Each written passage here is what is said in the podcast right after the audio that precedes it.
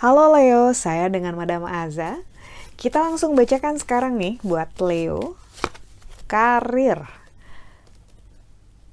Leo kar Leo Leo karir yang keluar adalah kartu the full ini tandanya orang loncat dari zona nyamannya meninggalkan tanah loncat dari jurang untuk dapetin bintang so ada kemungkinan akan mendapatkan pilihan ataupun tawaran yang cukup risky uh, untuk minggu ini hmm, ambil nggak ya?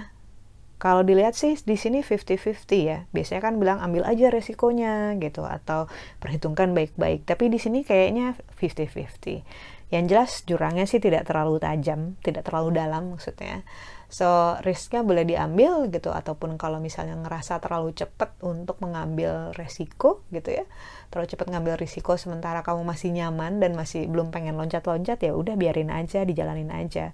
Kartu The Fool bilang adanya opportunity ataupun kesempatan untuk melakukan satu hal yang cukup berisiko, yang ke depannya mungkin bermanfaat buat kamu, tapi ya keputusannya terserah kamu aja. Karena kalau saya lihat 50-50, bisa 50 untung, bisa 50 buntung gitu. Jadi tergantung situasinya aja.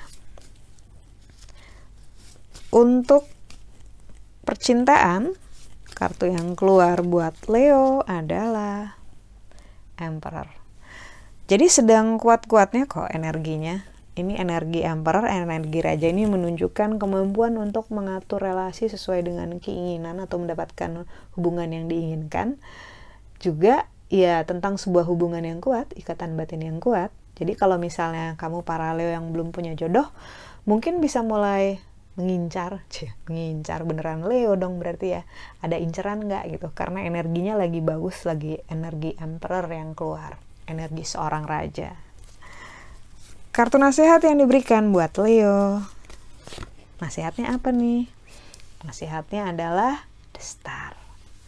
Bintang di langit, C. Jadi dia ceritanya sedang memantaskan dirinya di danau, lagi ngeliat, terus ada bintang jatuh, terus dia make a wish. Tandanya ada sebuah harapan yang akan jadi kenyataan, akan ada satu hal bagus yang terjadi minggu ini. Kita aminkan saja amin gitu ya semoga terjadi katanya jangan sampai kalau ada kesempatan ya kalau bisa jangan dilewatkan gitu ya dan the star ini juga menunjukkan adanya usaha yang membawa hasil karena ceritanya kan dia lagi memantaskan diri, lagi mereview dirinya sendiri gitu, eh terus ada bintang jatuh. Jadi tandanya apa pun yang kamu lakukan selama itu baik, pasti akan membawa hasil yang baik juga. Tapi belum tentu sekarang, bisa jadi aja besok-besok ataupun di saat kamu paling memerlukannya. Sekian bacaannya, tolong bantu saya dengan cara like, subscribe, dan share. Terima kasih.